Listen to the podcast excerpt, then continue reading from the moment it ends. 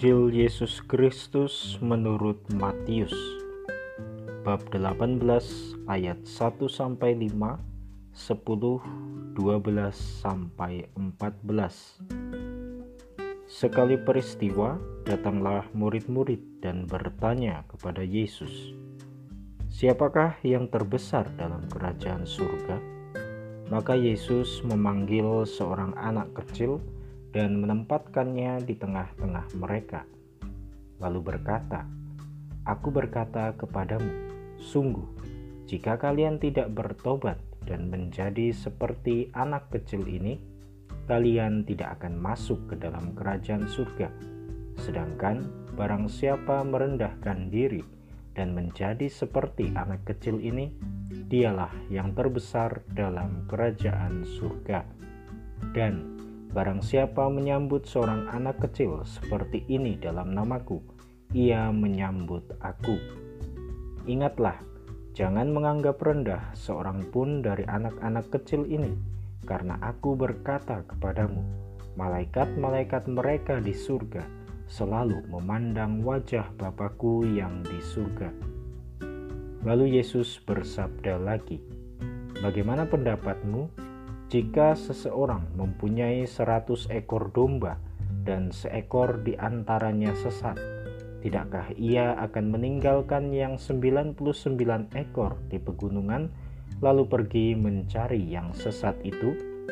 Dan aku berkata kepadamu, sungguh, jika ia berhasil menemukannya, lebih besarlah kegembiraannya atas yang seekor itu daripada atas yang ke-99 ekor yang tidak sesat.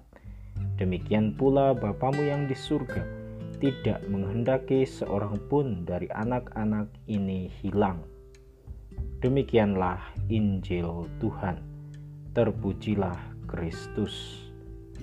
Para pendengar yang terkasih, Yesus dalam Injil hari ini menyampaikan setidaknya dua pengajaran. Pengajaran pertama berkaitan dengan cara pandang kita melihat siapa yang terbesar dalam kerajaan surga, dan pengajaran kedua berkaitan dengan domba yang hilang. Menanggapi pertanyaan dari para muridnya mengenai siapa yang terbesar dalam kerajaan surga, Yesus menampilkan figur seorang anak kecil yang ditempatkannya di tengah-tengah para muridnya. Ia berkata bahwa jika kita tidak bertobat dan menjadi seperti anak kecil, kita tidak akan masuk ke dalam kerajaan surga. Dan barang siapa yang merendahkan diri seperti anak kecil, dialah yang terbesar dalam kerajaan surga. Pertanyaannya adalah, ada apa dengan sosok seorang anak kecil?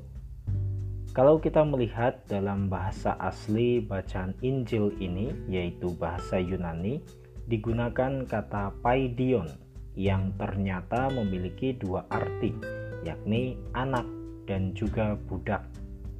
Maka menjadi jelaslah apa yang mau disampaikan oleh Yesus. Orang yang terbesar dalam kerajaan surga adalah orang yang memiliki kerendahan hati dan juga semangat pelayanan sebagaimana seorang budak, pelayan, anak kecil, dan bahkan orang-orang kecil. Lebih lanjut, Yesus juga mengatakan bahwa barang siapa menyambut seorang anak kecil seperti ini dalam namaku, ia menyambut aku. Yesus menyampaikan suatu pesan kepada kita bahwa dirinya juga hadir dalam diri orang-orang kecil. Pada zaman kita sekarang ini, orang-orang kecil dikatakan pula sebagai kaum KLMTD, kecil, lemah, miskin, tersingkir, dan difabel.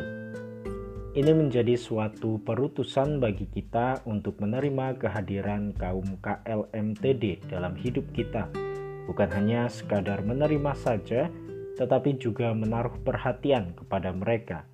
Maka, sejak awal pun gereja menunjukkan posisinya yang sangat jelas, yakni berpihak kepada orang-orang seperti ini yang sering kali diistilahkan sebagai option for the poor.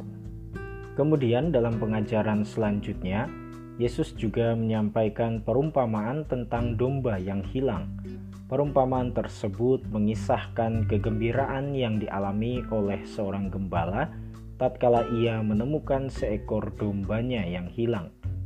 Kegembiraannya itu jauh lebih besar ketimbang kegembiraannya bersama dengan kawanan dombanya yang lain yang berjumlah jauh lebih banyak. Perumpamaan ini mau menggambarkan kasih sayang Allah Bapa kepada kita manusia sebagai kawanan dombanya. Allah tidak menginginkan satupun di antara kita tersesat, bahkan hilang. Oleh karenanya, sudah sejak lama, khususnya dalam Perjanjian Lama, Allah menuntun bangsa Israel melalui utusan-utusannya, seperti halnya Nabi Yehezkiel yang diutus Allah untuk menemui bangsa Israel. Nabi Yehezkiel sebelum ia pergi kepada bangsa Israel terlebih dahulu mengalami suatu momen spiritual di mana ia diminta oleh Allah melalui sabdanya untuk memakan gulungan kitab yang adalah firman Allah. Nabi Yehezkiel bersaksi bahwa firman Allah dalam gulungan kitab tersebut manis seperti madu rasanya.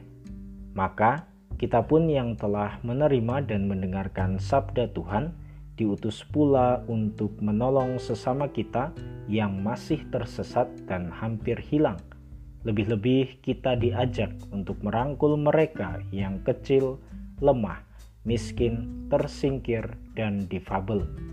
Barangkali kita masih ragu dengan apa yang bisa kita berikan kepada orang-orang tersebut Bagaimana kita menunjukkan option for the poor dalam kehidupan kita? Kita bisa memulainya dengan hal-hal yang sederhana, seperti tersenyum dan menyapa mereka apabila kita berjumpa dengan mereka. Ada satu ungkapan menarik dari para biarawati Claris yang pemimpinnya pada tanggal 11 Agustus kita peringati, yaitu Santa Clara. Ungkapan itu berbunyi demikian: kita ini terlalu miskin. Tetapi dapatkah suatu hati yang memiliki Allah yang Maha Kuasa sungguh-sungguh miskin?